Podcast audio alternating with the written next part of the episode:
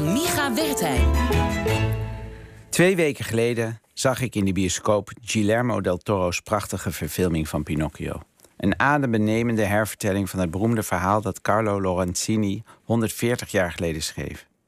Ik ken de vertelling over de marionet die tot leven komt en telkens als hij liegt zijn neus ziet groeien, alleen van de Disney-film.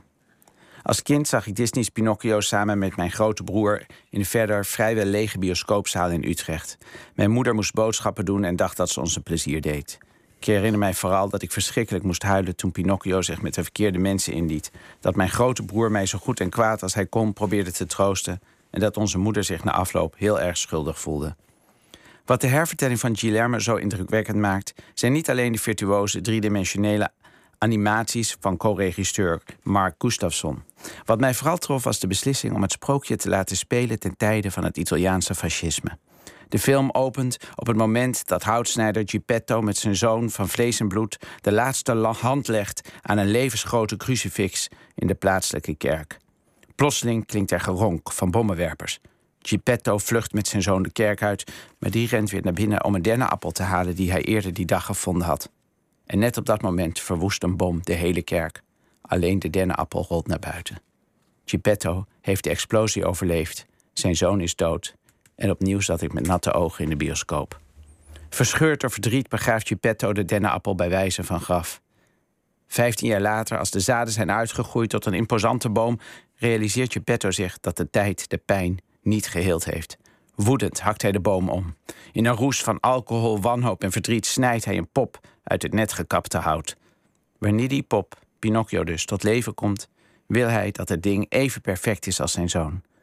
Hij wil zijn nieuwe kind naar school sturen, maar de kapelaan is daar niet van gediend. Bovendien blijkt de pop onnozel en in het bezit van een heel eigen karakter.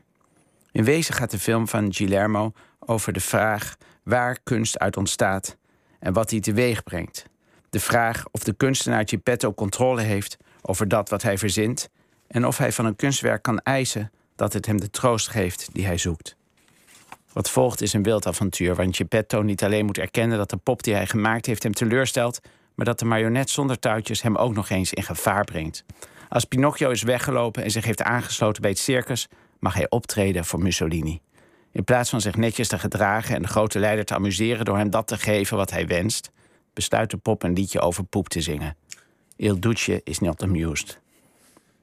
Net als zijn schepper heeft Pinocchio ook voor zijn publiek het en het gezag geen enkel respect.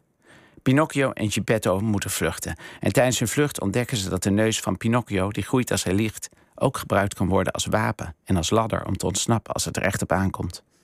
De New York Times noemde in een recensie de film politiek onsamenhangend en slecht getimed, aangezien het fascisme in Italië net weer aan de macht is. De krant verwijt de makers van de film. De verschik, en ik citeer, de verschikkingen van die periode worden niet verklaard en in plaats daarvan worden ze grotendeels, worden, uh, grotendeels de moorddadige ideologie van het fascisme als versiering gebruikt. Eens van werelds meest gezaghebbende kranten wilde met andere woorden dat Pinocchio zich fatsoenlijk gedraagt. Gelukkig had de pop ook daar scheid aan. Ja, dankjewel, Mieke Wertheim.